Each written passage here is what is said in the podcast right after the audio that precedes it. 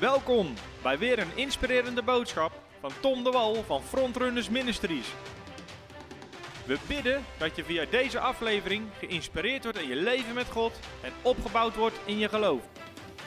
Ik wil vandaag met jullie stilstaan. Ik heb als titel van de preek, de titel heb meegekregen. Want iemand schreef mij, uh, Niels was dat, ik weet niet of Niels er ook is. Hè, maar uh, uh, die zei van, joh, het zou mooi zijn als je kan inzoomen op geloof voor voorziening. Ik dacht, dat is goed. Hè, geloof voorziening. Dus dat is ook mijn preek. Ik, ik, ik heb geen PowerPoint, want ik ben gestopt met PowerPoint. Want PowerPoint nam mij gevangen. Als ik aan het preken was. Dus dan zat ik, was, ik, was ik los. En dan, uh, en dan, uh, en dan dacht ik, oh, mijn sheets. Dus dus uh, dan dacht ik, oh, mijn sheets. En dan, en dan raak ik helemaal in, in de knoop. Dus ik ben ermee gestopt met de PowerPoints. Maar de titel is Geloof voor voorziening. Je zou kunnen zeggen geloof voor voorspoed. Hè? Voor wat God je wil geven. En ik heb eigenlijk drie dingen vandaag die ik jullie wil, wil vertellen. Het eerste is, en dat kan je makkelijk onthouden voor mensen meeschrijven. Waarom? En waarom is dat nou belangrijk dat God je voorziening voor voorspoed wil geven? En waarom is dat eigenlijk? Het tweede is, wat is dat dan? En het derde is, hoe krijg je dat dan?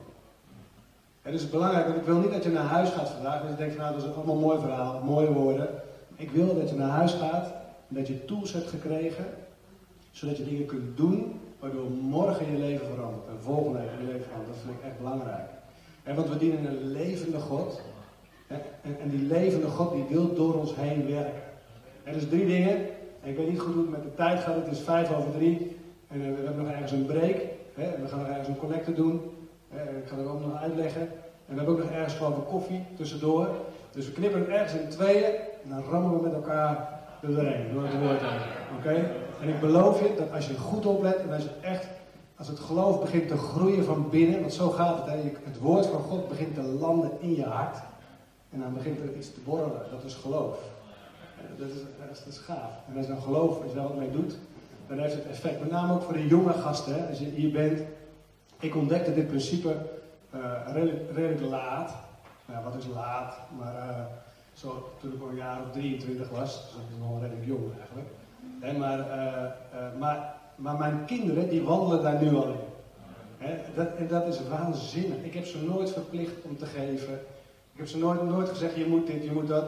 Maar zij, zij kregen het op een of andere manier mee, begonnen het te doen. Ah, dat is waanzinnig. Die gasten zijn gewoon, dat zijn tieners. Ik heb een zoon van, van bijna 16. Die is, die is gewoon voorspoedig. In de dingen die hij doet. En dan loopt hij op school. En dan, uh, en dan gaan ze naar de McDonald's en dan heeft die geen geld en die geen geld en die geen geld. En dan zegt hij, zal ik het dan maar betalen. En dan, en, en dan zegt hij, pap zegt, het is ook wel leuk om te geven en zo. En dan, ja, dat, weet je, het is goed om het, om het vroeg te ontdekken. Echt vroeg te ontdekken. Dat, dat, het is de bedoeling dat we gewoon voorspoedig zijn. God wil dat we voorspoedig zijn. Dus de eerste vraag is, waarom? Dat is punt 1. Ik ben christelijk opgegroeid, vroeger. Ik ben een christelijke jongen van huis uit. Ik ben christelijk. Dus ik vroeger, hè, ik had het afgeleerd, maar, maar ik zat vroeger twee keer, twee keer op een zondag zat ik in de, in de vrijgemaakte kerk in Spakenburg. Dus in Spakenburg was het bol met kerk daar en daar zat ik in de kerk. En ik zei, ik heb echt wel een goede tijd gehad daar. Veel geleerd, liefde voor het woord, liefde voor God.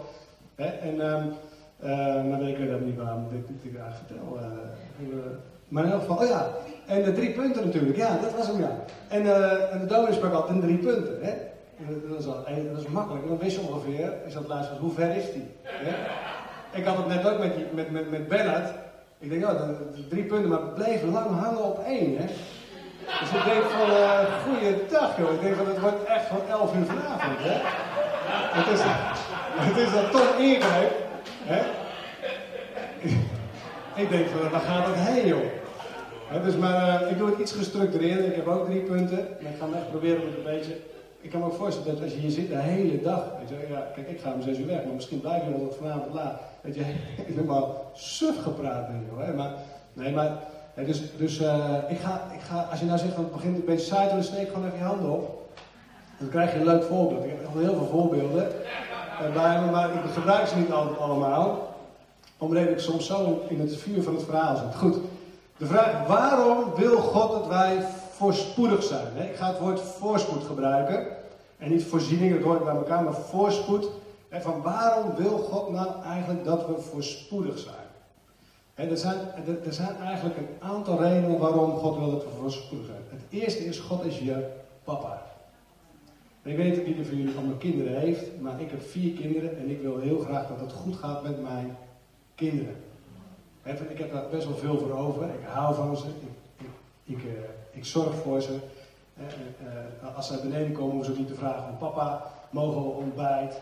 Of mogen we lunch? Nee. Nee, sterker nog. Dat, uh, dat gaat allemaal vanzelf. Ik vind heel veel dingen vanzelfsprekend. En mijn dochter heeft een rijbewijs gehaald van de week. En zegt ze, nou pap, zo makkelijk, dan kan ik mooi met jouw auto. Hè? Dus ik daar en daar. Ik zeg, ja, natuurlijk schat. Ja, dus dat, dat is gewoon, en dat vind ik ook wel mooi. Hè? Dat is onderdeel gewoon van, van, van, van, uh, we zijn samen zijn we gewoon geblest. Ja, dus ik ben een papa en God is ook een papa. En God is jouw vader en hij wil dat het goed met je gaat. Ik begrijp niet waarom mensen daar problemen mee hebben. Ik snap dat niet. dat mensen, en zeker in Nederland, een van de rijkste landen ter wereld. Ik zat vanochtend in de auto uh, bij de voetbal met een vader van uh, Boris. Boris is spits in het team van mijn zoontje. En, uh, en, en, en, zijn vader die is gevlucht uit Servië, jaren geleden, is in Nederland gekomen. En ik ken hem niet zo goed, dus ik raakte met hem aan de praat. En hij zei, zegt, die mensen in Nederland zouden wel eens wat blij mogen zijn dat ze in Nederland komen. Ik zeg, wat bedoel je? Hij zegt, nou zegt hij, ik ben in Servië geboren. Hij zegt, ik ben in Griekenland geweest, ik ben in Frankrijk geweest, ik ben in Italië geweest, ik ben in Noorwegen geweest, ik ben overal geweest als vluchteling. Zegt hij, en uh, hij zegt, in Servië hebben ze werkelijk alles kapot gemaakt. Zegt hij, en hier in Nederland, kijk om je heen, zegt hij. Maar je zo door de weilanden, onderweg naar Putten. En zo, zo prachtig, al die Dan moet je kijken hoe mooi het is, zegt hij. Hij zegt, mensen, als mensen zouden beseffen hoe goed ze het hebben, dan dat is waar. En we leven in Nederland, meest, een van de meest welvarende landen. En zelfs de, degene die het minste heeft, dus iemand die bijstand heeft in Nederland, is eigenlijk nog onwijs geblest. En laten we eerlijk zijn, dat is gewoon hoe het is. En dus, dus God is een God die houdt van voorspoed. En, en we hoeven daar echt geen probleem mee te hebben. De reden dat er een probleem mee wordt, dat, mensen er een beetje allergisch voor zijn, dat heeft te maken met het feit dat ze, dat ze, dat ze eigenlijk gewoon in een cultuur zitten in Nederland, waarbij geld iets is waar we het liever niet over hebben en waarbij we angst hebben om van ons geld af te raken. Het is dus een enorme armoedementaliteit in Nederland. En ik preek me suf, echt waar, om dat te doorbreken. Die armoedementaliteit in Nederland. Want Armoede is een vloek. Het, hoort niet bij het leven van een kind van God. Armoede hoort niet bij ons. dat is niet wat, en ook die mentaliteit niet. Dus als het gaat om financiën, zijn mensen eigenlijk bang dat ze iets zouden moeten met hun financiën. Dat ze zouden moeten gaan geven. En daarom is er een weerstand.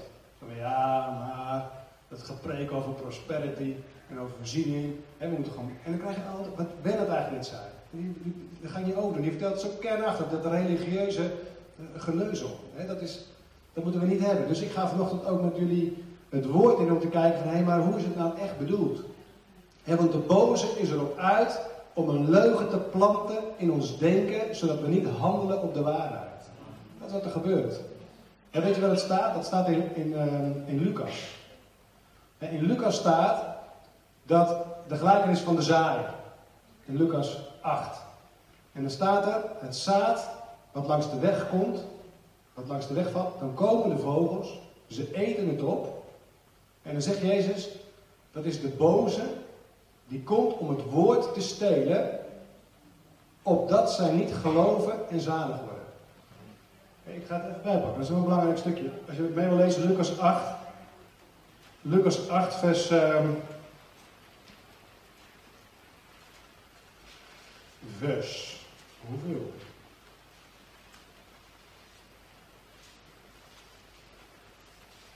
Vers 12.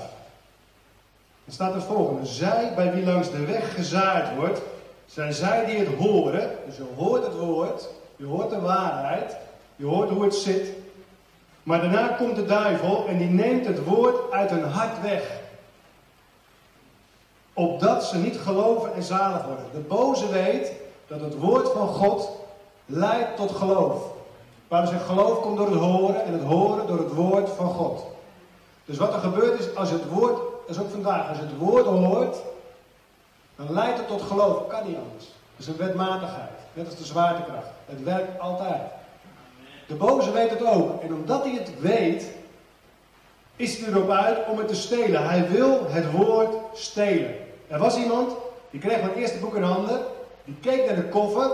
Die zag 14 principes om je voorstel te leven. En zei hij, dat boek ga ik dus niet lezen. En dat is heel treurig, maar dat is een voorbeeld hoe de boze met een vooringenomen leugen eigenlijk in het denken van diegene hem ervan wilde weerhouden om dat boek te lezen. En er waren erbij die later tegen me zeiden van, ik heb zoveel strijd gehad om je boek te lezen, maar ik heb het boek gelezen en ik ben blij dat ik het gelezen heb, want daardoor heb ik ontdekt dat het eigenlijk toch iets anders zit. En dus de boze wil ons misleiden. Het is gewoon een, het is echt, het is een leugenaar, het is een misleider. En hij wil ons eigenlijk ook in die positie van armoede houden, van gebrek houden, van net genoeg. Vooral niet te veel. Ik zou zeggen, ik ben een ondernemer en ik verdien prima geld, mijn bedrijf rendeert. En sommige mensen zeggen, je hebt wel makkelijk praten. Dan zeggen, je hebt makkelijk praten, je preekt het leuk, maar dat is voor jou ook makkelijk. Want je hebt een bedrijf en het werk. Ik zou je zeggen, ik ontdekte dit principe toen ik net getrouwd was. Toen mijn vrouw geen baan had en ik een baantje. en we net genoeg geld hadden, toen ontdekte ik het principe van financiën, van zaaien, van de tiende enzovoort. En wij besloten om het te doen in geloof. En vanaf die dag is het nooit minder geworden, is het altijd meer geworden. En ik zou zeggen, ik ben blij dat ik het toen geleerd heb. Want als ik het nu geleerd zou hebben, in de situatie waarin ik nu zit, zou ik het verrekte ingewikkeld vinden om erop te handelen. Dan zou ik denken, nou, dat is al wel heel veel geld.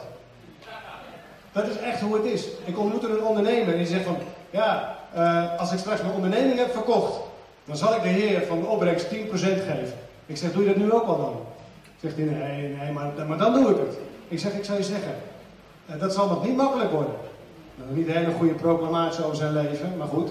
Hè? Maar wat er gebeurde was, hij verkocht zijn bedrijf en ik zei, heb je nou ook daadwerkelijk die 10% gegeven? Zegt hij, nee. Nee. Hij kon het niet. Hij kon het niet. als je kijkt naar, naar, uh, naar Rockefeller. um, een van de rijkste Amerikanen. Aan hem werd gevraagd van joh, um, hoe, hoe komt het nou dat je zo ongelooflijk welvarend en rijk geworden bent? En, dus, en hij, hij werd geboren in een, in, een, uh, in een gebroken gezin. Hij zei, mijn moeder die leerde mij om van elke dollar die ik verdiende, 10% aan Jezus te geven. Hij zei, dat deed ik toen ik een jonge jongen was. En ik ben er nooit meer mee gestopt. Hij is miljardair geworden. En niet dat we allemaal miljardair worden, maar het gaat om het principe, als je het niet leert in het klein, als je niet getrouw bent in het kleine, dan kan die ook niet over meer stellen. Dat is echt waar. Als je het gewoon leert in het klein, dan, uh, ja, dan gaat het makkelijker laten. En dus terug naar het waarom, want anders gaan we alle kanten op. Waarom wil God dat we versproegd zijn? De eerste reden is, hij is je papa. Hij is gewoon je papa, hij wil gewoon heel goed voor je zorgen. Hebben, jullie, hebben het verhaal gehoord van die trompet van mijn zoontje? Nee? Nou, dat is een mooi verhaal, ik zal vertellen. Maar ik heb, een, ik heb een zoontje, mijn derde, en die speelt echt best wel heel leuk trompet. En ik had gezegd, jongen, als je straks je B-diploma haalt, is het tweede diploma, of derde diploma, de tweede diploma in zo'n serie, je B-diploma, dan krijg je van papa een mooie nieuwe trompet. Want hij heeft namelijk een studietrompet, die had ik gekocht, een paar honderd euro. En ik dacht, ik ga hem dan een vette trompet geven. En ik, had het, ik vind het ook mooi. dus, eh, en hij blij en excited en zo. Ik zeg, dan gaan we gewoon uitzoeken welke trompet. Dus ik had mensen gevraagd die er verstand hebben. Ik zeg, joh, merk heb je? Wat moet je dan hebben voor een trompet? En, uh, dus ik wist op een gegeven moment heel veel over de trompet. En ik dacht, ik moet goed uitzoeken. Dus ik was erachter gekomen uh, dat je Yamaha trompetten hebt. En je hebt Vincent Bach trompetten en nog een. Maar in elk geval, ik kwam erachter, ik moet een Vincent Bach trompet hebben. Echt een vette trompet. Niet goedkoop. Dus ik dacht, ik koop ik een tweedehands Vincent trompet. Dus nou, helemaal eruit. En toen begon mijn zoektocht. Dus ik ging bellen. Ik belde naar een muziekwinkel in ergens in Noord, Noordwijk die kant op. En ik zeg, joh, ik zoek iemand die, die verstand van trompetten. En, um, en toen kreeg de, de, de eigenaar een telefoon en ik zeg, joh, ik zoek een Vincent Bach trompet. Oh, zegt die man, dat is interessant. Nou, hoe zit het precies? Nou, ik zou je zeggen, ik heb een zoontje. Die is 11, inmiddels 12. Ik zeg, speelt leuk trompet en ik wil hem een Vincent Bach trompet geven. Hij zegt, nou, zegt hij, dat doe je toch niet? Dus ik dacht, uh, ik zeg, hoezo niet? Hij zegt, hij is 12 jaar. Ik zeg, ja, en hij speelt trompet. Dus, en, en, die, en die verkoper zegt, ja, maar dat doe je toch niet? Ik zeg, wat niet? Hij zegt, een Vincent Bach trompet geven. Ik zeg, maar waarom niet? Hij zegt, omdat hij 12 jaar is. Ik zeg, ja, maar hij speelt trompet. Dus, en hij zegt, ja, maar toch, dat, dat is niet goed. Hij zegt, geef hem dan een Yamaha. En ik dacht, een Yamaha, maar ik wil een Vincent Bach. Dus ik zeg, maar ik wil, ik, mijn vraag is, heb je ook een Vincent Bach trompet? Hij zegt, ja, zegt hij, man, maar die zijn er wel. Maar dat wil je beter niet doen. Ik zeg, maar, ik wil het wel. En uh, dus, dus, dus, dus ik zeg, ik wil gewoon mijn zoon een Vincent Bach trompet. Hij zegt, maar dan kan hij nooit meer een betere trompet krijgen. Ik zeg, nee, maar dat maakt ook uit. Ik wil hem gewoon nu een goede trompet geven. En, dus, dus wij werden het niet eens met elkaar. Dus, en ik probeer hem nog uit te leggen. Ik zeg tegen hem, ik zeg, kijk, ik heb nu bij Ponden gewerkt in de auto's. Ik zeg, kijk, je hebt een Volkswagen Golf. Je hebt een Volkswagen Passat. Dan heb je een Audi A6 en je hebt ook een Audi 8. Ik zeg, ik wil die Audi A8 geven. Niet een Volkswagen Golf. En toen werd hij, toen werd hij pislink. Hij zegt, nou, maar als je zo gaat beginnen, zegt hij, dan zijn we gauw klaar. En toen, en toen zei nou laten we er dan maar over ophouden. Dus hij heeft mij geen trompet verkocht. En, en, ik dacht, wat is het toch dat ik gewoon, ik wil gewoon een goede trompet geven. En dus wat ik ben, zei papa. En ik, ik was gewoon excited over de zoektocht naar die trompet. Ik denk, ik ga gewoon de allerbeste trompet zoeken. Want dat vind ik gewoon leuk om gewoon die allerbeste trompet te geven. En niet nieuw, tweedehands, ik ga geen nieuw doen. Dus ik, ik zeg, heer, ik wil wel, ik wil gewoon heel graag die Vincent trompet vinden. Dat uh, Vincent Bach trompet vinden. Dus ik, een paar dagen later op Marktplaats. En daar vond ik toch een prachtige Vincent Bach trompet. Ik wil die man, ik zeg, sowieso is het verhaal, maar sowieso... Hij zegt, nou dat vind ik nou geweldig, zegt hij. Uh, hij zegt, hij, uh, maar ik ging de dag daarna op vakantie, we zouden op vakantie gaan. ik weet niet meer waarheen, we zouden vliegen, dus ik denk, komt ook niet goed uit.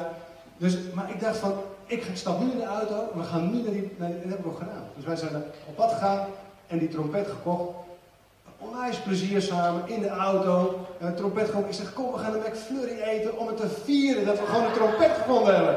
En, zo, nou, de trompet in de kast. En toen hij zijn B-diploma had, het grote moment, hij kreeg die trompet. En waarom vertel ik nou dit verhaal?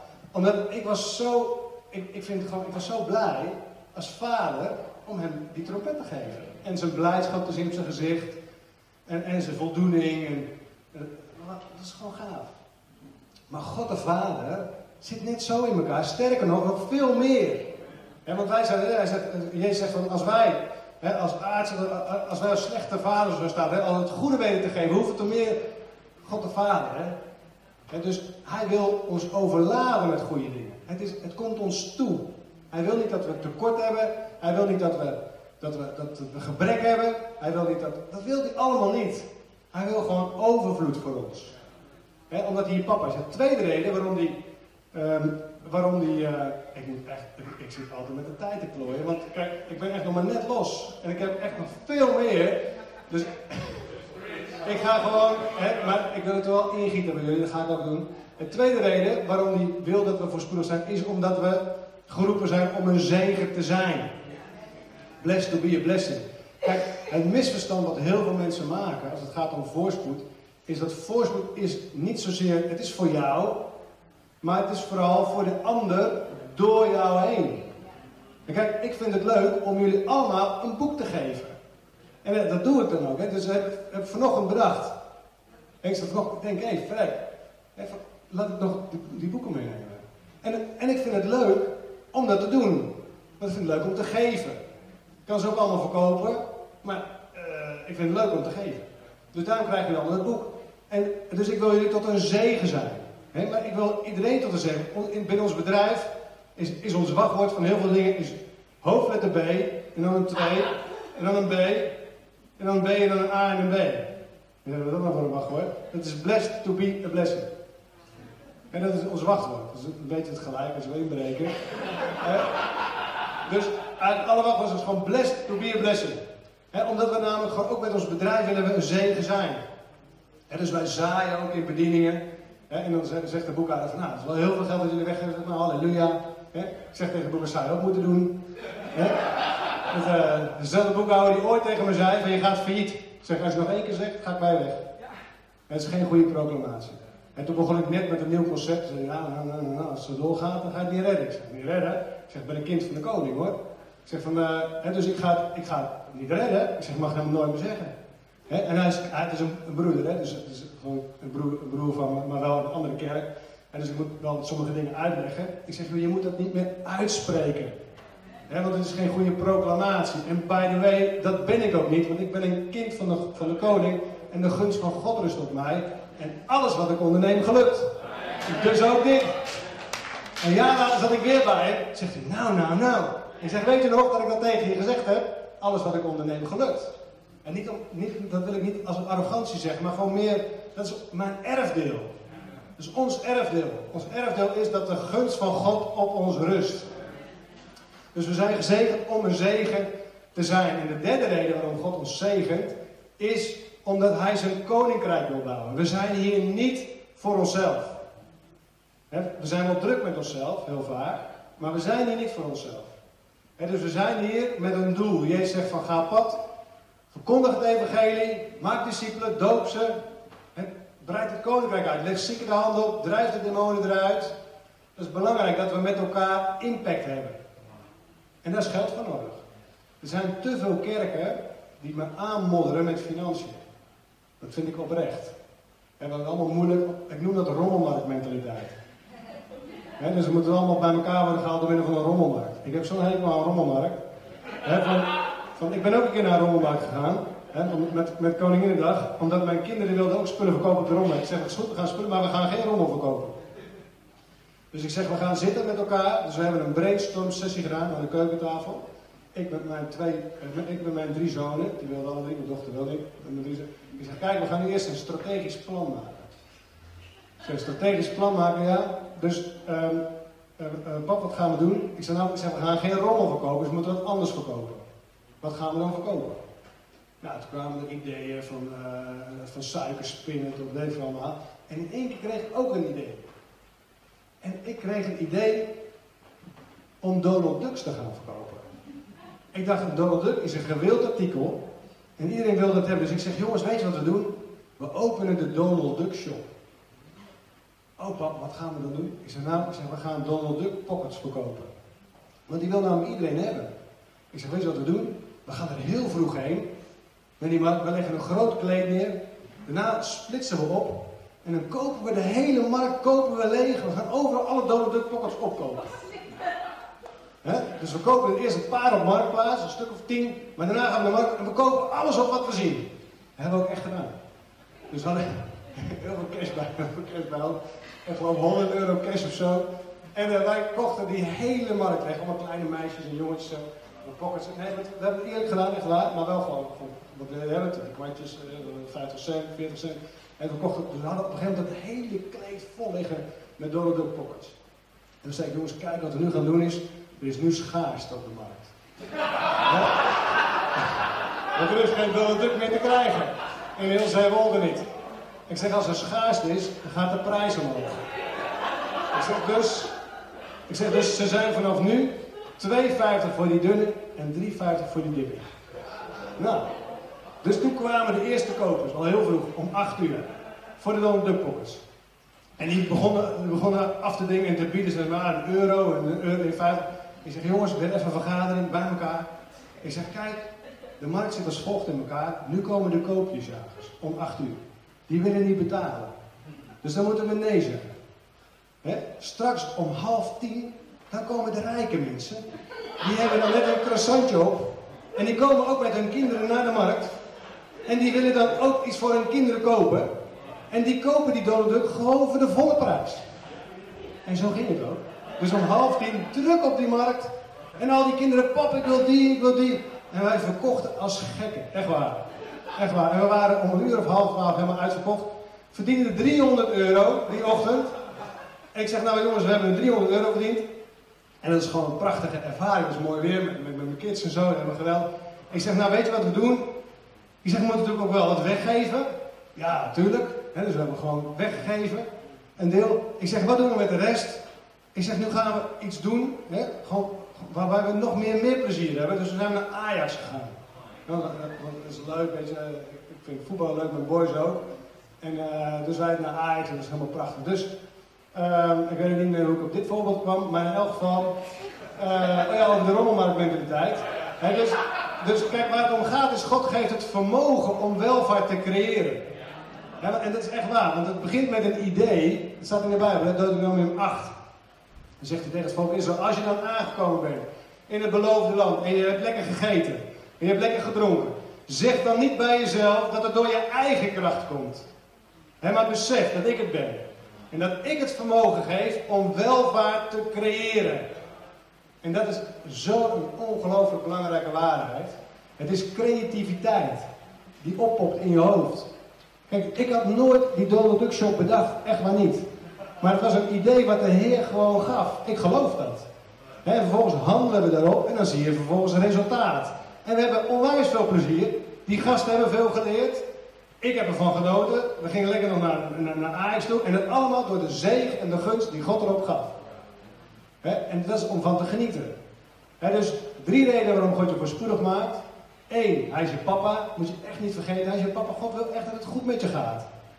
Twee, um, je bent gezegend om een zegen te zijn.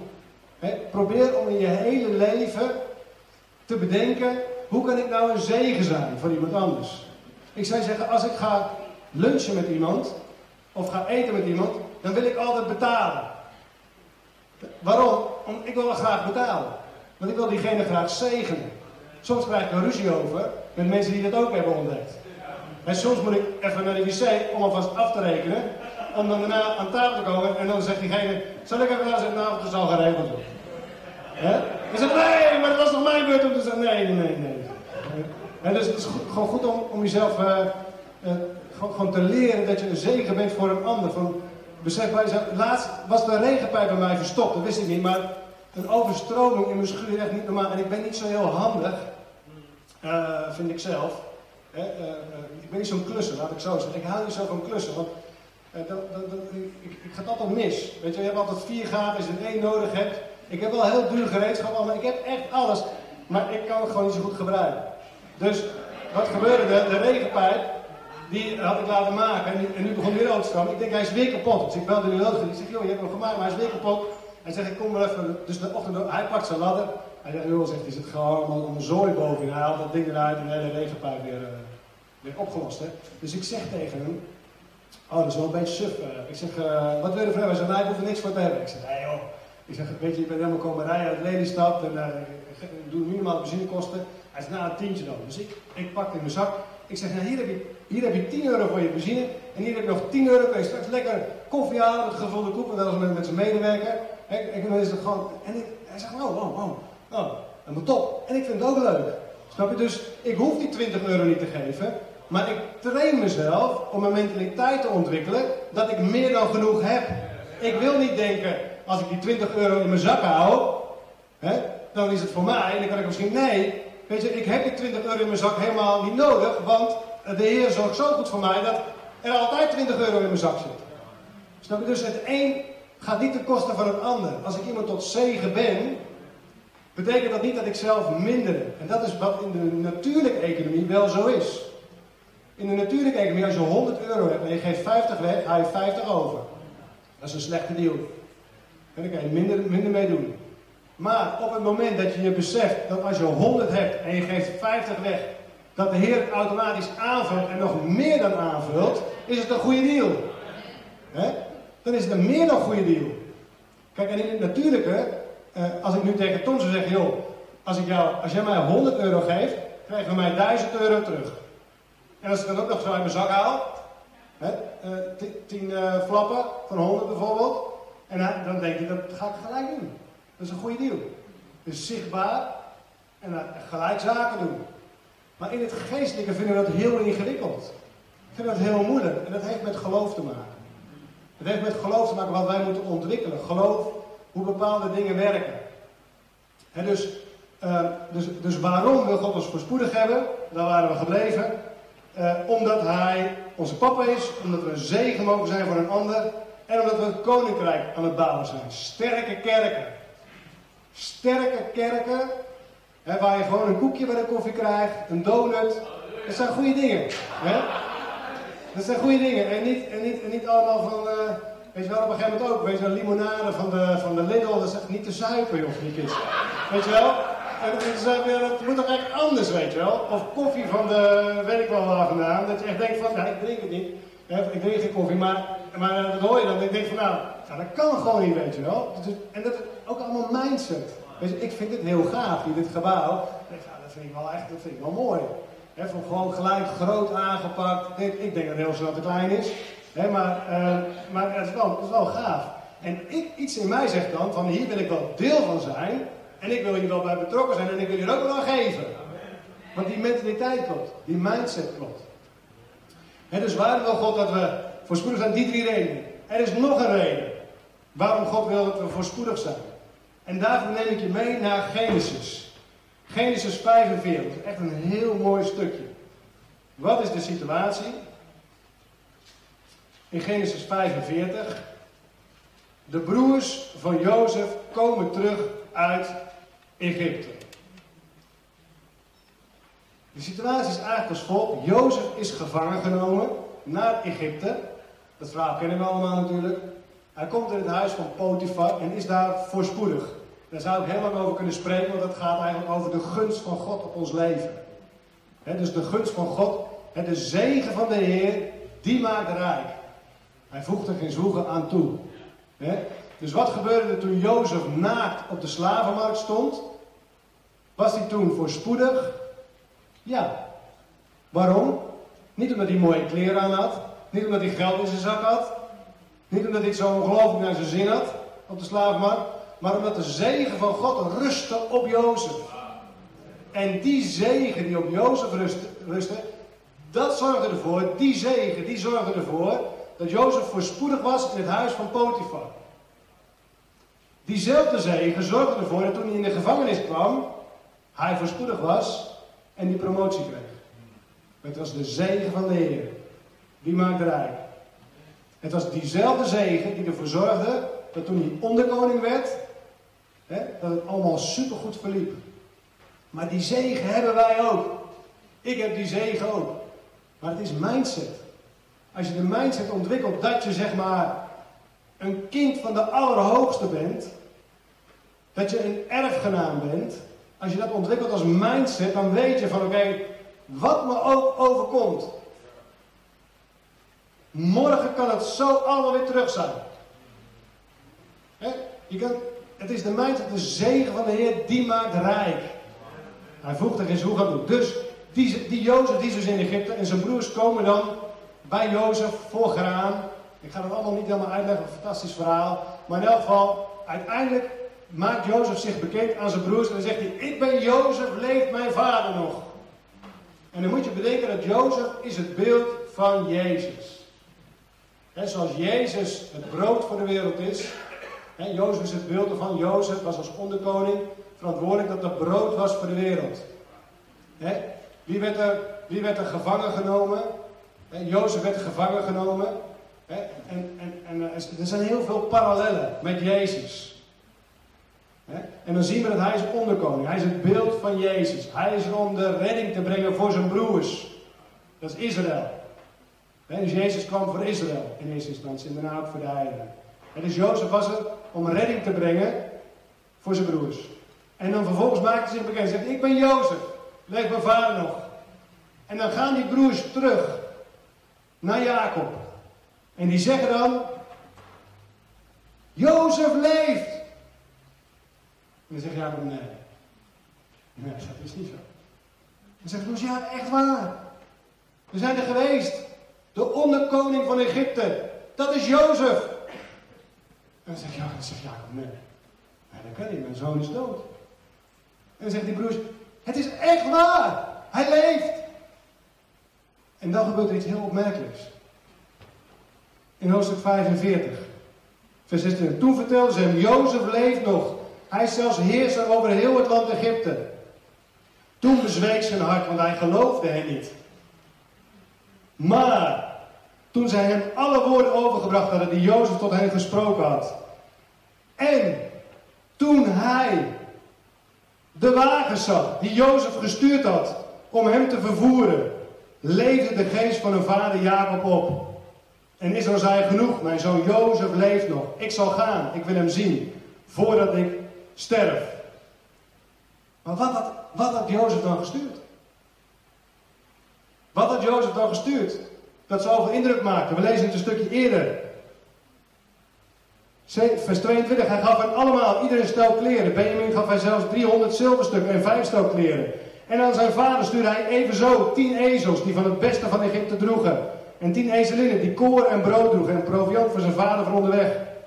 En zo gingen ze op pad. Er kwamen wagens vol geladen op Jacob af. En toen hij dat zag, toen zei hij, Jozef leeft. Als de wereld ziet hoe het zit met de kinderen van God, dan zullen ze zeggen, Jezus leeft. Jezus leeft. Wij zijn ambassadeurs, zegt Paulus, van Christus. Een ambassadeur, heb je wel eens gekeken naar de woningen van een ambassadeur in Amsterdam? Bij het Museumplein. Die zijn niet klein, die zijn mooi, groot en van binnen helemaal top. Een ambassadeur heeft ook een prima salaris en hij heeft elke avond caviar. Denk ik. Ik weet niet, maar er zijn wel zoveel recepties en of zal, weet ik veel. Maar in elk geval, een ambassadeur is een afgevaardigde van een land. En wij zijn afgevaardigden van Jezus Christus. En waar denk je dat Jezus Christus zit? Aan de rechterhand van de Vader. En wij delen in zijn overvloed. Dus de reden waarom wij voorspoedig moeten zijn, is om de wereld te laten zien dat Jezus leeft. Dat er een God is die leeft. Denk je dat je indruk maakt op iemand in de wereld op het moment dat je nog geen euro hebt om aan je kant, hoe zeggen ze dat, een euro om je kont te krabben of zo. Ja, dat is toch echt suf. En dat is gewoon niet wat indruk maakt. Ik zou zeggen, wat indruk maakt, is dat wij als kinderen van God beginnen te regeren. Dat wij degene zijn die de bedrijven starten. Dat wij degene zijn die de mensen aannemen in onze bedrijven. Dat wij degene zijn die zeggen van, we gaan goed met ze om. We zegenen ze. En bij de way, we hebben veel klanten en we krijgen de klanten bij. En we doen, Snap je waarom? Waarom, waarom moeten we zo, wachten, zo lang wachten? Totdat, totdat de christelijke uh, Steve Jobs opstaat. Waar is die? Ik zou zeggen, de Joden hebben het vaak nog beter begrepen dan wij. Statistisch ook nog. Als je kijkt naar de, rijk, naar, de, naar de lijst met de rijke uh, Amerikanen, ik geloof dat het Fortune 500 heet of zoiets, en dan is, dan is 2% van de wereld, of ik weet niet, 0,2% van de wereldbevolking is Joods. En 2% van de lijst van die 500 is ook Joods. Het is statistisch zijn er gewoon heel veel Joden. Ze hebben ook de naam. Dat is een rijke Jood. En zij zijn degene die het bankensysteem in handen hebben. En denk maar aan de Rothschilds. En dat is allemaal niet voor niks. Ik zeggen, nou, hoe kan dat nou? Dat heeft alles te maken met de zegen van Abraham. Ik zal er straks iets over uitleggen. dus, maar wij zijn niet minder dan dan onze, dan onze Joodse broers en zussen. En wij hebben dezelfde zegen ontvangen. dankzij Jezus Christus. Het zou zo moeten zijn dat wij wandelen in die overvloed. Dat wij degene zijn die de ideeën krijgen. Dat wij degene zijn die de bedrijven starten. Dat wij degene zijn die, die de mentaliteit hebben van een gever. Dat wij degene zijn die de voedselbanken runnen. Dat wij degene zijn die gewoon verschil maken. als je kijkt wat, er gebeurde in Bethel. in Bethel was een enorme brand. in, in, in het gebied daar. In Bethel, Redding, Californië. Zo'n grote babelschool van Bill Johnson. Grote kerk. En wat er gebeurde was een enorme, enorme, enorme branden daar. Een heel groot deel van Redding brandde, af. En wat deed de kerk? Ze startten gelijk een enorme actie om voedsel te brengen, eten, eh, eh drinken te brengen, te helpen, luien, weet je allemaal. En op een gegeven moment besloten ze om elk getroffen gezin te zegenen met duizend dollar. Met duizend dollar. En toen dacht ik, wauw. Ik denk, dat is ambassadeur zijn van een God die overvloed heeft. En dan hoor je de verhalen terug. Mensen zeggen, ik heb niks met het geloof. Ik heb ook niks met die kerk. Maar dit moet wel de liefde van God zijn. Dan denk ik van ja, dat is hoe het werkt. En dan zal de wereld zeggen, Jezus leeft. En zoals Jacob zei, Jozef leeft. Dat is een belangrijke reden om je achterhoofd te houden. En laat je niet wijsmaken dat voorspoed niet voor vandaag zou zijn, niet voor jou zou zijn. Laat je niet wijsmaken, doe maar normaal. Hoezo doe maar normaal? Ik wil helemaal niet normaal. Ik wil gewoon meer dan normaal. Ik wil overvloedig zijn. Niet zozeer omdat, kijk, ik eet geen drie biefstukken per dag. Dat is niet lekker voor mijn buik. Ik eet er niet eens één trouwens, hè. Dat is wel, maar bewijzen van. En dus die zegen is bedoeld om door te geven aan een ander. Om tot zegen te zijn. En meer en meer en meer en meer en meer. En dus er was iemand, er was een, een Fransman, Le Tourneau heette die man. En die was overtuigd christen. En wat hij deed was, hij, hij gaf steeds meer, hij gaf steeds meer.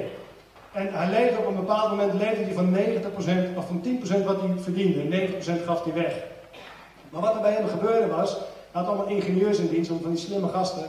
En hij maakte van die grondverzetmachines, van die caterpillar uh, graafdingen en zo. En wat er gebeurde is, dan lag hij te slapen en dan gaf God hem gewoon een nieuwe graafmachine in gedachten. En dan ging hij de volgende ochtend ging hij naar zijn werk. En dan, riepen die, die gasten bij elkaar. En die ga zitten. Hij pakte een stift. En hij begon gewoon die graafmachine uit te tekenen. Hij, dat is ons nieuwe product. En dan zeiden de ingenieurs. Ja, hoe, hoe kan je dat weten? En zegt, heeft God me verteld. En zo, en, zeg maar. En zo, maakt, zo, zo, zo runde hij zijn bedrijf. Waarom? Omdat de zegen van God erop was. En dus hij maakte echt impact. En ik vind dat mooi. Ik vind dat echt mooi. Om impact te maken. En iedereen kan het op de plek waar hij zit. Je hoeft niet ondernemer te zijn om impact te hebben. Je kunt ook gewoon. Uh, maakt. Zelfs al. Ik, ik sprak iemand die zat in de bijstand. En zegt: ja, ja, hoe moet het nou? Ik zeg: nou, wat is nou jouw passie? Mijn passie is poezen en kittens. Dus ik zeg: nou, dat is geweldig. Ja, zegt ze, want ik heb ook af en toe een nestje. Hè, en, dan, uh, en dan verkoop ik die, uh, die kittens en zo. Ik zeg: nou, ik zeg heel goed, go on. Ik zeg maar, en dus ik begon met haar te praten. Ik zeg, joh, maar als je nou zeg maar eens wat vaker een nestje uh, neemt. Want je bent toch dol op die katten. Hè? Dan, doe je niet één nestje per jaar, doe je er gewoon vier. Ik zeg, wat vraag je dan voor zo'n voor zo'n voor zo'n uh, beestje? Ja, 100 euro. Ik zeg, veel te weinig. Ik zeg, weet je, doe gewoon 600. Hè? En, zo begon ik met haar te praten. En uiteindelijk ging zij ook die adviezen opvolgen. En zij werd voorspoedig. Zij verdiende gewoon echt, echt tienvoudig of zo. Van wat ze eerst verdiende. Waarom? Omdat zij eigenlijk, ze had, hulp nodig om te ontdekken dat ze echt wel ideeën had. en dat, en dat, dat toen ik vragen stelde, begon het aan te wakkeren. En, en, en, ik zeg, joh, waarom laat je niet iemand anders ook gewoon een nestje nemen? Dan ga jij dat allemaal regelen met de dierenarts en die, die spuiten, die dit en dat. En dan, en, en nou ja, goed, ik ga het allemaal niet uitleggen, want het is niet zo interessant, de kat, hè. Maar om, om aan te geven dat, dat iedereen is in staat om welvaart, om voorspoed te creëren. Zelfs mijn kinderen kunnen dat, hè? Van, uh, met, met, ideeën. Hè? Dus, dus, dus, dus, nu kwam mijn, uh, mijn zoon naar me toe en zegt hij, pap, we gaan in de merkkleding. Ik zeg, oh wat leuk. We gaan in de merk. Hij zegt, wat gaan we dan doen? Ik zeg, nou zegt hij, ik heb een creditcard nodig, mag ik die voor jou gebruiken? Ik zeg, nee, dat mag niet. Hij zegt, ja, maar zegt, zonder creditcard kan ik het niet doen. Ik zeg, wat ga je dan doen? Ja, zegt hij, ik ga zo en zo en zo en dan heb ik bepaalde uh, limited editions en die kan ik dan kopen en dan hem doorverkopen, maar je moet er wel snel bij zijn. En mijn vriendje op school die verdient zoveel per jaar. Is echt waar? Ik dus, uh, ik zeg, nou, ik zeg, weet je wat we doen? Ik zeg, ik heb nog een andere soort kaart. Het is een soort debitkaart, daar kun je niet de schulden ingaan. Ik zeg, die mag jij gebruiken onder één voorwaarde. Je moet me alles leren wat jij ontdekt. Ik zeg, maar dat vind ik ook leuk. Nou, is goed pap. Dus nu zitten wij in die business weer. Hè? Dus omdat hij gewoon het leuk vindt om dat te doen. En ik vind het ook leuk. En ik voorspel je, dat wordt gewoon een succes. Hij zegt, pap, ik ga 20% weggeven aan de kerk. Ik zeg, wat jij wil, joh. Uh, hij zegt, ja, want ik geloof gewoon dat er gewoon echt, dat er gewoon, dat er gewoon een blessing is dat het gaat door. Ik zeg, ik geloof het ook. En dus we zijn we hebben nog geen shirt verkocht, nog geen sneaker verkocht. En we zijn nu al voorspoedig. En hoe komt dat? Omdat het in het hoofd zit. Dat is wat de Bijbel noemt met hoop. Hoop is iets wat je, wat je voor je ziet. Het is een plaatje wat je creëert.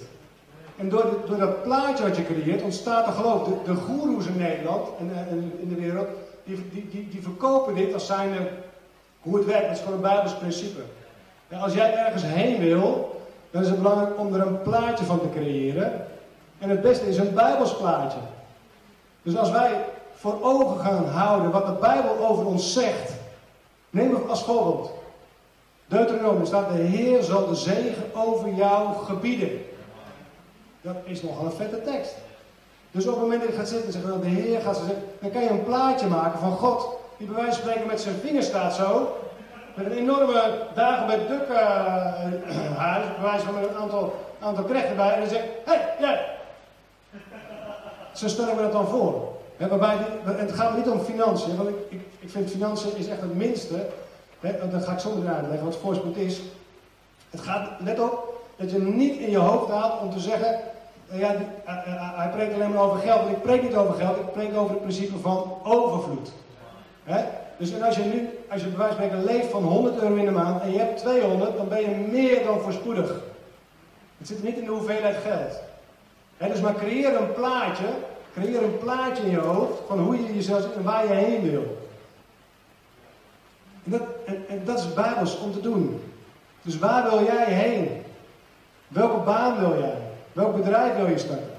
Welke ministerie wil je optuigen? Welk gebouw zou je willen? welke bediening wil je doen? Enzovoort, enzovoort, enzovoort. En door het, door het te creëren. kijk, een managementgoeroe zegt van. Als je wil afvallen, dan moet je een plaatje printen van een hele slanke vrouw of een hele slanke man. En die hang je dan aan de spiegel. En dan elke dag als je je tanden poetsen, dan kijk je naar dat plaatje. En ik zou je zeggen, het is waar. Het is echt zo. Maar het is een Bijbels principe, wat is gejat? En bovendien moet er helemaal niet zo druk zijn met hoe, zwaar je bent. Als je gezond bent, dan gaat het vanzelf. maar, dus als je, je geest gezond gaat vanzelf. Het is maar om aan te geven dat de, de wetmatigheden die werken wel. De wetmatigheden, dat, zo, zo werkt het. Als je wat in je hoofd creëert, zo zal het gaan. Die kant gaan. Oké, dan nog even kort, want het is alweer tien voor vier, ik moet even nadenken. Uh, wat is voorspoed? En dus komen we eigenlijk bij het tweede. Dus het eerste hebben we nu gehad over het waarom. En waarom wil God dat je voorspoedig bent. En dus ik ben ook een beetje een leraar, soms dan uh, vliegt alle kanten op, begint echt te preachen. Maar ik heb eigenlijk vier punten aangegeven, die moet je vasthouden. En dus waarom voorspoed? Als je papa, je gezegend om tot een zegen te zijn, koninkrijk bouwen en zodat de wereld Jezus ziet. Die vier punten is belangrijk. Hè? dan gaan we nu even, even, kijken, dat is het tweede deel van mijn boodschap. Dat is van wat, um, wat is dan voorspoed? Tot, tot hoe, laat, hoe laat zullen we doen? Tot, tot hoe laat zullen we doen? Kwart over vier. Goed, kwart over vier. Kwart over vier, dus gaan we nog vijf minuten hierover hebben. moet ik opschieten. Wat is voorspoed? Voorspoed is meer dan genoeg. Voor jezelf, zodat je kunt bijdragen aan allerlei goed werk. Dat is de Bijbelse definitie, die ga ik jullie laten zien uit 2 Korinthe 8 of 2 Korinthe 9. Even kijken hoor.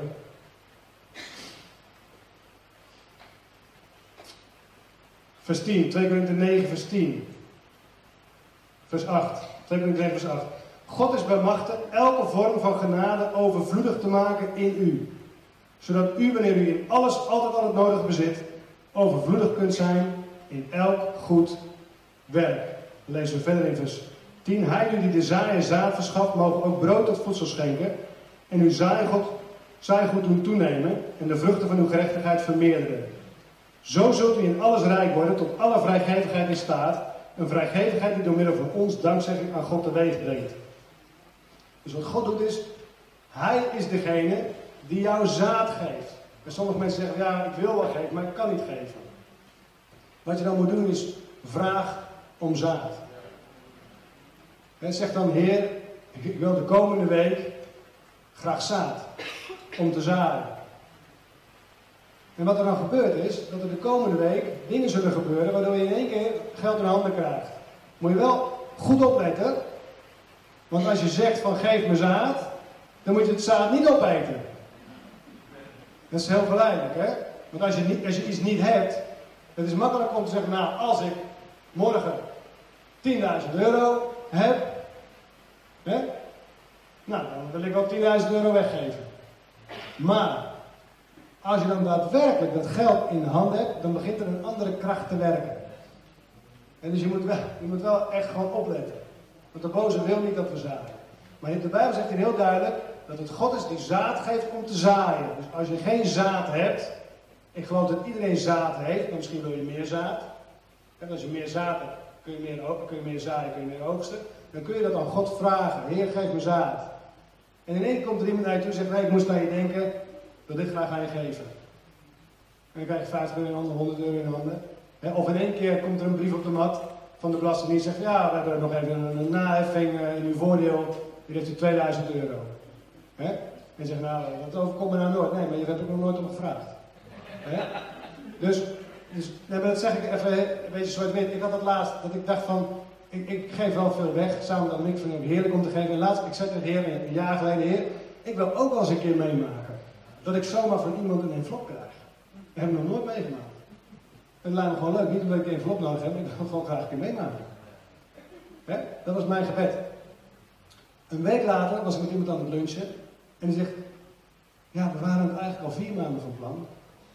Uh, maar het is steeds niet van gekomen, maar we hebben, we hebben echt iets voor jou. We willen echt in jou zaaien. En je, raadt het al. Hij gaf me een envelop. Er zit 200 euro in. En het raakte me zo ongelooflijk. Niet omdat ik heel erg van slag was van die 200 euro. Maar wel omdat ik gewoon zo de liefde van God zag. Die zei van, joh, ik heb je gehoord. En als, je, jij dat nou graag wil, joh. Dan, dan geef ik jou dat. Dus het is goed om de dingen te vragen aan je. En ook heel concreet te vragen. Ik denk dat wij heel vaak niet concreet vragen. Maar God wil graag gevraagd worden. En laat bij alles je wensen door gebed en smeking bekend worden bij God. En dan moeten we het ook doen. En niet van, ah heer, wat u van bezorgen. Nee, maar wat wil je dan hebben? wat wil je dan? ik heb er heel veel van geleerd, door die ervaring heel veel van geleerd om heel concreet te vragen. Ik zeg, heer, ik zou graag dat dit en dat en dat gebeurt. Maar als u een beter plan hebt, ook goed. He, ik gemist, maar ik denk dat dit gewoon een goed idee is. dus um, dan ben ik weer helemaal van het pad af. Ik eerst een stokje water.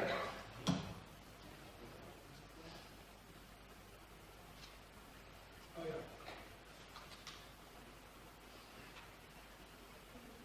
Ja, het is, uh, het is, uh, het is God die zaad, hè, de klaar.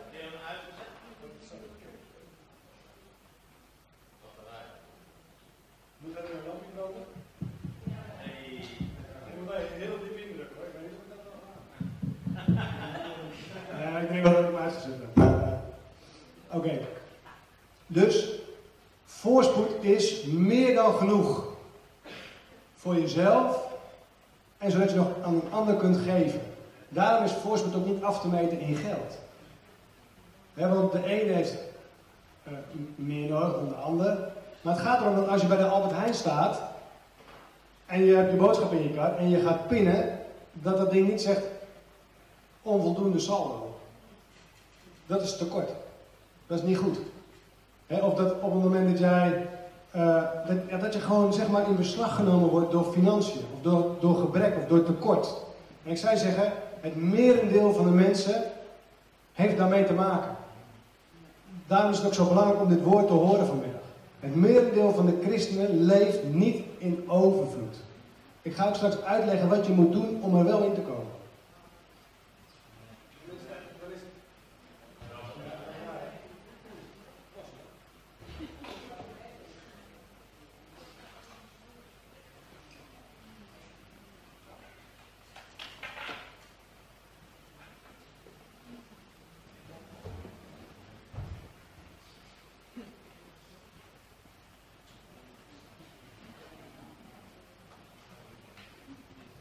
Ja, dankjewel. Top, top, top, top.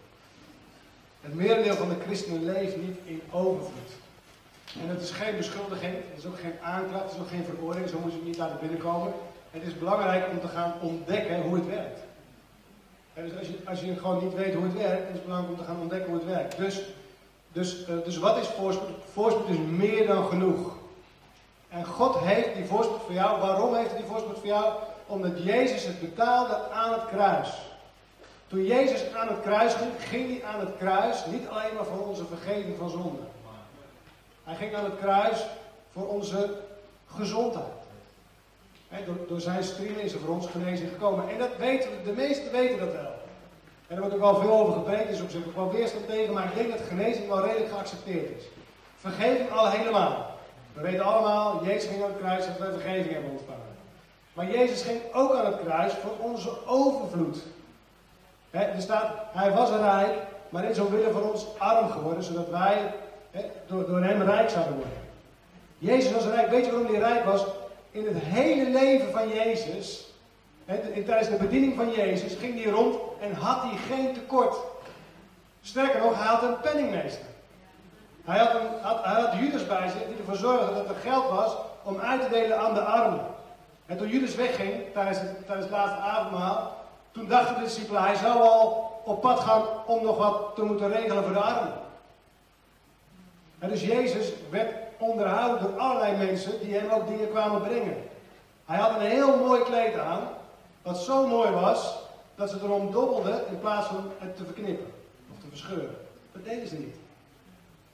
En toen hing hij daar, naakt, aan een kruis.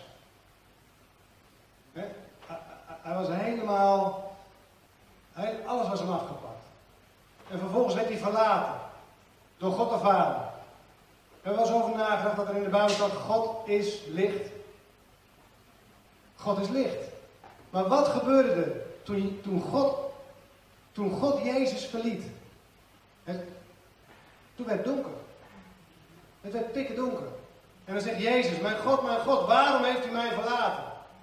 De rijkdom van Jezus was niet zozeer de euro's die hij bij zich had, de kleren die hij bij zich had. Nee, zijn rijkdom was de toegang tot de Vader. De toegang tot zijn bron. Als jij toegang hebt tot jouw bankrekening, tot jouw bankrekening waar genoeg op staat, dan, heb jij, dan heb jij toegang tot een bron van voorziening. En zo was bij Jezus ook. Jezus had toegang tot alles wat de Vader had. Dat maakte hem rijk. En hij werd arm. En hoe werd hij arm? Hij hing naakt aan een kruis en God de Vader verliet hem. En toen hij stierf, scheurde het voorhangsel in twee. Waarom? Zodat wij weer toegang hebben tot God de Vader. En niet alleen maar, niet alleen maar voor genade en voor vergeving van zonde. Niet alleen maar voor genezing. Nee, ook voor die overvloed die, die daar ligt. Dat is hoe het werkt. Wij als kinderen van God zijn erfgenamen. Ik kan erfgenaam zijn van mijn vader. Stel dat mijn vader miljonair is. En hij heeft uh, eh, 25 woningen in elk land van Europa één. En hij heeft allemaal boten. En ik ben een erfgenaam. Dan kan ik hem bellen en zeggen van, hé hey, pa, ik wil morgen eigenlijk graag naar Frankrijk. Kan ik dan even in dat huis? Dan zeg ik, ja, prima jongen. En dan ga ik daarheen, omdat ik een erfgenaam ben. wij zijn erfgenaam van God, mede-erfgenaam met Jezus Christus, staat er Dus wij hebben toegang. We hebben toegang tot voorziening. Niet om mezelf in te zwelgen, het is niet zo dat we denken, nou, ik, ik, ik, ik, ik, en dat is het verhaal van de rijke dwaas. De rijke dwaas zei van, oké, ik heb een grote oogst binnengehaald. Wat zal ik doen? Nou, ik zal rijk, ik, ik zal een grote schuren bouwen. En dan ga ik alles opslaan. En dan zal ik bij mezelf zeggen, oké, nu kan ik met pensioen, nu kan ik uitrusten. Hij was alleen maar bezig met zichzelf, met zijn eigen mindset. Of met, met zijn eigen ik, met zijn eigen voorziening. En dan zegt Jezus, je bent een dwaas. Maar was, was die man een dwaas omdat hij een grote oogst had binnengehaald? Nee, daarom noemde Jezus hem geen dwaas. Want dan zou Boas ook een dwaas zijn. En Salomo, en David, en Isaac, en Abraham, en al die gasten in de Bijbel. Nee, Jezus zegt, je bent een dwaas omdat je alleen maar bezig bent met jezelf. Ik zal grotere schuren bouwen. Ik zal dit doen. Ik zal dat doen. Want dan kan ik lekker gaan liggen. En dan kan ik lekker uitrusten. En dan hoef ik niet meer zo hard te werken. Hij was helemaal niet bezig met dat reden van voorziening. Ik zou zeggen, op het moment dat jij begint te begrijpen dat voorziening je gegeven wordt om door te geven, dan word je een pijp waar voorziening doorheen stroomt en behoorlijk lekker blijft plakken aan de wanden. En dan zeggen we, nou, weet je, dat is, gewoon, dat, is, dat is eigenlijk hoe het zou moeten zijn. En laat het lekker stromen door je heen, des te meer, des te beter. Maar op het moment dat je zeg maar, dat door die pijp heen laat stromen, blijft gewoon, blijft gewoon aan je plakken. En, God zorgt goed voor ons. God zorgt goed voor jou. En dus de voorspoed heeft alles te maken met wat Jezus betaalde aan het kruis. Daarom wordt er ook om gevochten in de geestelijke wereld, om je wijs te maken dat het niet waar is. Dan zeg je, ja, dan leven maar sober, beter. Hoezo is dat nou beter? En als jij de boodschap van je buurvrouw niet kan betalen, hoezo is dat dan beter? Dat is helemaal niet beter.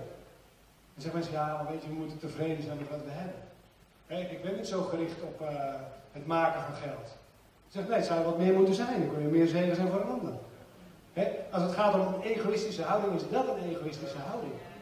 Zo van, ja, nee, als ik maar genoeg heb. Hoezo als jij maar genoeg hebt? Nee, we moeten alert zijn op waar we een ander kunnen blessen. En, en, en, dan zul je merken dat, dat, dat God ook meer begint te geven, meer begint toe te vertrouwen. Het heeft dus alles te maken met de zegen van Abraham, waar ik nog kort even wat over zal zeggen uit Galaten 3. En wat is nou de zegen van Abraham?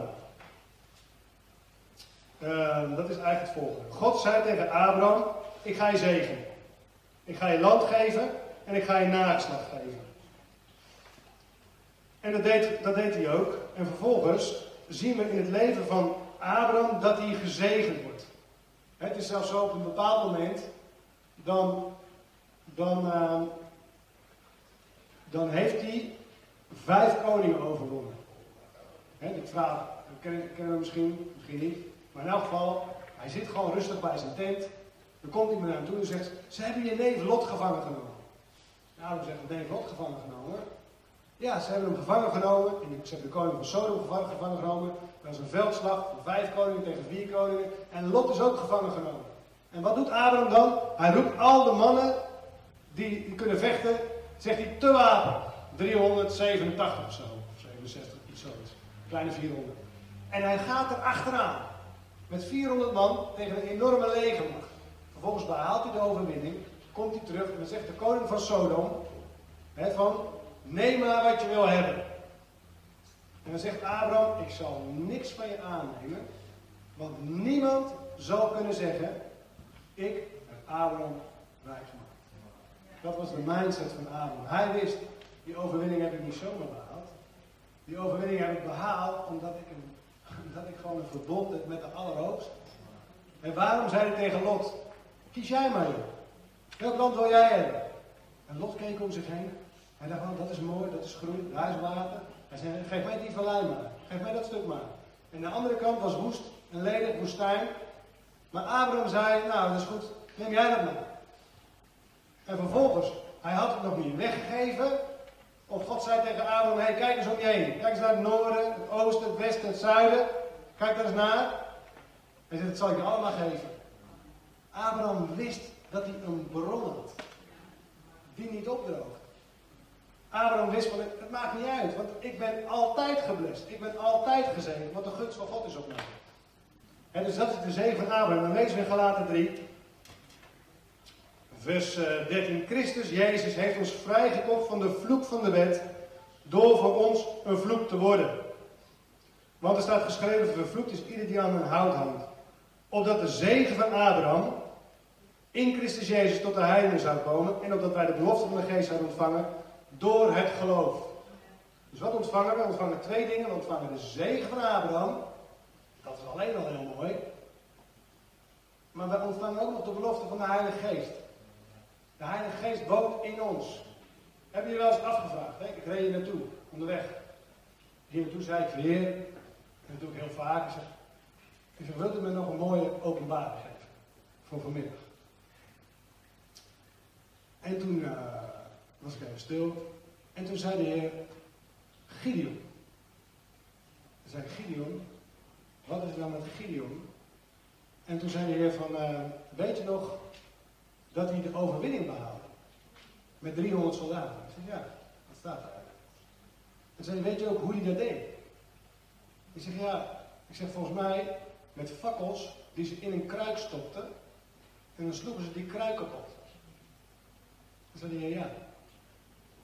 Hij zei, wat wordt er in de Bijbel gezegd over een kruik? Ik zei, nou, volgens mij zegt Paulus ergens dat we, een schat hebben in aarde kruiken. Zo staat er. Hij zegt, en toen zei de Heer van hem, wat denk je dat het vuur dan is? Ik zei, dat is de Heilige Geest. Hij zei, waarom denk je dat de kruik kapot geslagen moest worden? Zodat, zodat het vuur zichtbaar werd. En dat is waar wij vandaag mee te maken hebben.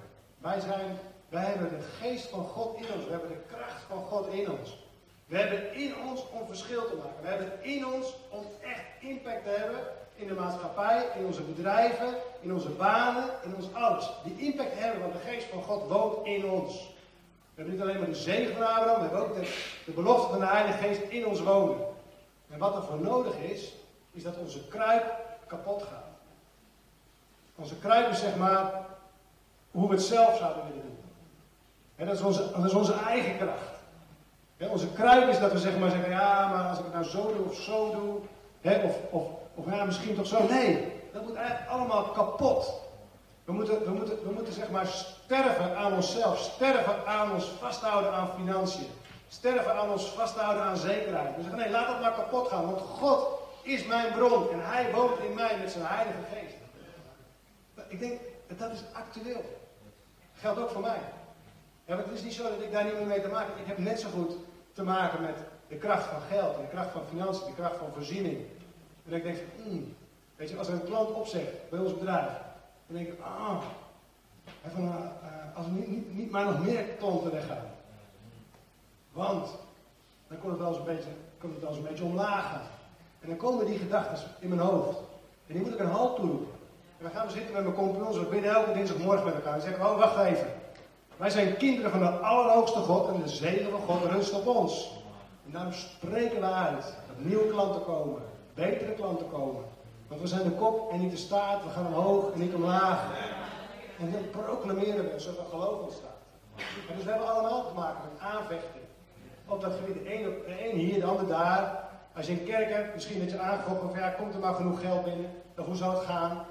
Als, je, je, moeder bent, zeg nou weet je, als, als, als, we straks die rekeningen van school komen en al, die bijdragen en weet ik wat allemaal, gaat het allemaal lukken. Schoolreisjes, excursies en weet ik wel weer 350 euro en dan moet het allemaal. en dan komt die gedachte naar toe van gaan we het wel redden? Is er wel genoeg? Misschien moeten we wel wat minder geven. En dat is de aanklacht, dat is de boze die probeert om te roven. En dan is het belangrijk om te beseffen, hé wacht even. Volgens mij zegt het woord van God dat ik de zegen van Abraham heb. Volgens mij zegt de Bijbel dat God geen onderscheid heeft in personen. Hij heeft geen lievelingetjes. Hij vond Abraham niet, niet liever dan dat hij mij vindt. het is niet zo dat je Salomo meer wilde zegenen dan hij mij wil zegenen. Nee. Jezus betaalde aan het kruis voor onze overvloed. Het is aan ons om het in ontvangst te gaan nemen. Dus de sleutel is, en daar gaan we het straks over hebben, hoe? hoe doen we dat? dus als we weten van Waarom God ons voorspoedig wil maken, hebben we het over gehad. Waarom wil hij dat? Vier redenen, hebben we het over gehad. En volgens hebben we het over gehad van, maar wat is dan die voorspoed? Dat is de zegen van Adem, dat is de overvloed. Meer dan genoeg. Dat is gewoon stralen, schitteren. Dat is wat God ons wil geven. Maar de praktijk kan zijn dat je hier zit en zegt van ja, maar. En nu even terug naar de realiteit. Nu even terug naar mijn naar mijn app, naar mijn bankier-app. Oh, werk. Min zoveel. Hoe werkt het dan? Hoe doen we het dan? En dan gaan we straks na de pauze over hebben van hoe kun je nou wandelen in die voorziening die God al voor je heeft. Hoe kun je nou de principes toepassen waardoor je zult merken dat het verandert. En ik beloof je, het werkt. Het werkt echt. Het is geloof wat we nodig hebben om erin te wandelen. Gaat zo over. Altijd. Hallo, Tom de Wol hier en bedankt dat je weer geluisterd hebt naar onze podcast. Ik bid dat het je geloof gebouwd heeft en je bemoedigd bent. Als je niet alleen een luisteraar van onze boodschap wil zijn, maar ook een verspreider daarvan, wil ik je uitnodigen om partner te worden van Frontrunners. Door jouw maandelijkse donatie help je ons om dit evangelie van Jezus Christus en het woord van God over heel de aarde te brengen. Om partner te worden ga naar www.frontrunnersministries.nl slash partners en word partner. Hartelijk bedankt en tot snel. Heb je ook zo genoten van deze inspirerende boodschap van Tom de Wal? Abonneer je dan op deze podcast. Volg ons op Facebook en op Instagram en kijk op onze website frontrunnersministries.nl.